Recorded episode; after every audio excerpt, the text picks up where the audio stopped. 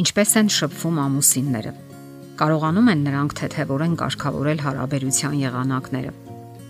Դե իհարկե մենք ենթադրում ենք, որ շփման մեր կերպը լիովին ընդունելի է եւ շփման միակ եղանակն է։ Չէ որ մենք դա մանկուց ենք սովորել եւ դա դարձել է մեր սովորությունների անբաժան մասը։ Սակայն պետք չէ շտապել այդ կանոնները կարող են կտրուկ հակասել դիմացինի կանոններին։ Չէ որ նա էլ դասյարակության իր դպրոցն է անցել եւ այն հարազատ ու ընդունելի է իր համար։ Հնարավոր է ձեր ընտանիքում հիմնախնդիրները լուծում էին հանգիստ զրույցի ընթացքում։ Իսկ ահա կողակցի ընտանիքում հնարավոր է նույն իրավիճակը վճռում էին միայն բարձրաձայն վեճերի արդյունքում։ Նշենք նաև, որ շփման օրինակները մենք ստանում ենք ոչ միայն ծնողներից։ 5-ից 15 տարեկանում մենք շատ ժամանակ ենք անցկացնում մեր հասակակիցների հետ, սովորելով զրուցել եւ վարվել նրանց նման։ Մենք սովորում ենք նաեւ մեր ընկերներից։ Շփվելու ձևը, ինչպես նշեցինք, ընտանիքի ազդեցության արդյունքն է Յուրաքանչյուր մարդ իր դասյարակությանը համապատասխան է վարվում։ Երբ մանուկ էինք ուրشادիր հետևում էինք, թե ինչպես են միմյանց հետ վերաբերվում ընտանիքի անդամները։ Դա մեզ համար մարդկային շփման օրինակ էր։ Ինչպես են նրանք զրուցում, ինչպես են լսում եւ պատասխանում միմյանց։ Մենք ստանում ենք հարգանքի, կենսուրախության, անկեղծության, խնդրանքի եւ ցանկացածը ստանալու դրական կամ բացասական օրինակները։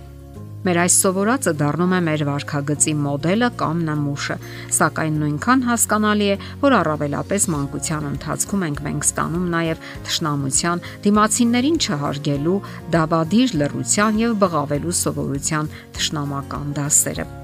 Ուսումնասիրելով բոլոր օրինակները մենք սկսում ենք փորձարկել տարբեր մեթոդներ, որpիսի ստանանք մեր ուզածը եւ մեր ընդունածը, ապա կանգ ենք առնում այն եղանակի վրա, որը համարում ենք ամենաարդյունավետը։ Եվ այս մեթոդներն ու ձևերն էլ մենք ներմուծում ենք ամուսնական միություն։ Հարցն այն է, որ մենք ցանկություն ունենանք կարգավորելու մեր հարաբերությունները, սկսելով սեփական սխալներից եւ հասկանալով այն, ինչն իսկապես խանգարում է ամուսնական միությանը եւ բնականon հարաբերություններին հնարավորություններին։ Իսկ եթե մենք անկեղծ ենք, ապա պետք է հասկանանք, որ բոլորս էլ ունենք վերափոխման կարիք։ Մենք հարաբերվում ենք ամուսնու հետ, նրա տարեց ծնողների, մեր սեփական երեխաների հետ եւ այլն։ Նրանց հետ ունեցած բոլոր շփումներն էլ անկասկած վերանայելու կարիք ունեն։ Արժե ուշադրություն դարձնել նաև դրսի մարդկանց հետ ունեցած մեր հարաբերություններին։ Դրանք էլ են ազդում մեր ընտանեկան հարաբերությունների վրա երբ հոգնում ենք կամ նյարդայնանում, երբ երեխաները դրսում խնդիրներ են ունենում։ Իսկ դուք հաճախ եք նայում միմյանց աչքերի, երբ անցել են ամուսնության առաջին տարիները։ Գաղտնիք չէ, որ շատ զույգեր հազվադեպ են նայում միմյանց։ Ժամանակի ընթացքում նրանք կորցնում են այդ լավ սովորությունը։ Նրանք նայում են միմյանց թերթի վերևից, հերոստացույցի կամ համակարգչի ու հեռախոսի կողքից, կամ պարզապես աչքի ծայրով, կամ էլ նայում են անտարբեր եւ ոչինչ չեն տեսնում։ Ընդհանրապես բավականին հեշտ է տարբերել ամուսնացած զույգերին սիրահարված զույգերից Օրինակ ռեստորաններում ամուսինները համարյա նմանատիպ արտահայտություններ են փոխանակում միմյանց հետ։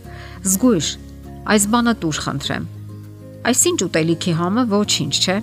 Նրանց հայացքները համարյա չեն հանդիպում, բայց ուսումնասիրում են ուտելիքը, այցելուներին, ամեն ինչ։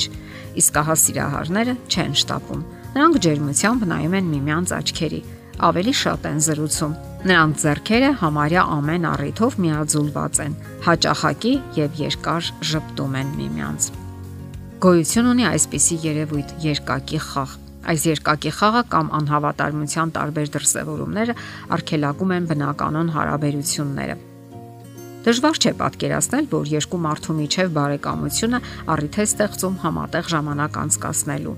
Եվ ահա հնարավորություն է ստեղծվում երկակի խաղի համար։ Իսկ սիրավեպերը շատ հաճախ առաջանում են աշխատավայրում, երբ գործընկերները միասին շատ ժամեր են անցկасնում ընդհանուր աշխատանքի շուրջ կամ ունեն ընդհանուր հրապուրանքներ։ Մարդիկ սթրեսների ժամանակ որոնում են խորհրդատուներ իրենց մոտիկների կամ նույնիսկ անծանոթների մեջ։ Այս դեպքում եւս կարող են առաջանալ նման հնարավորություններ։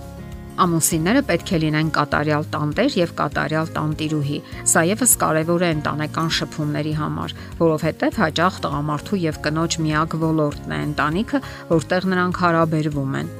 Կազմակերպված տուն հասկացությունը իր մեջ ներառում է թե կանացի աշխատանքների լայնածավալ շրջանակը, թե տղամարդու աշխատանքները հազար ու մի պարտավորություններով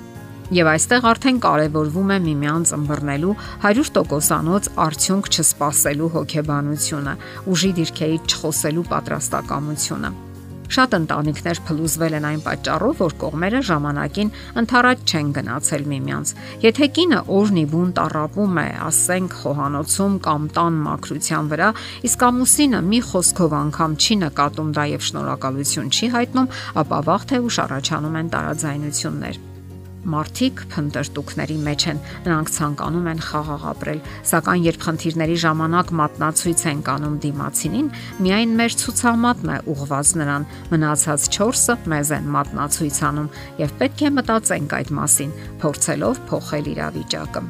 Խելամիտ շփումը երջանիկ եւ հաջողակ լինելու երաշխիքն է։ Փորձեք եւ կհամոզվեք դրանում, վերցնելով կյանքից լավագույնը, այն, ինչին դուք արժանի եք։ Եթերում ընտանիք հաղորդաշարներ։ Ձեզ հետ է Գեղեցիկ Մարտիրոսյանը։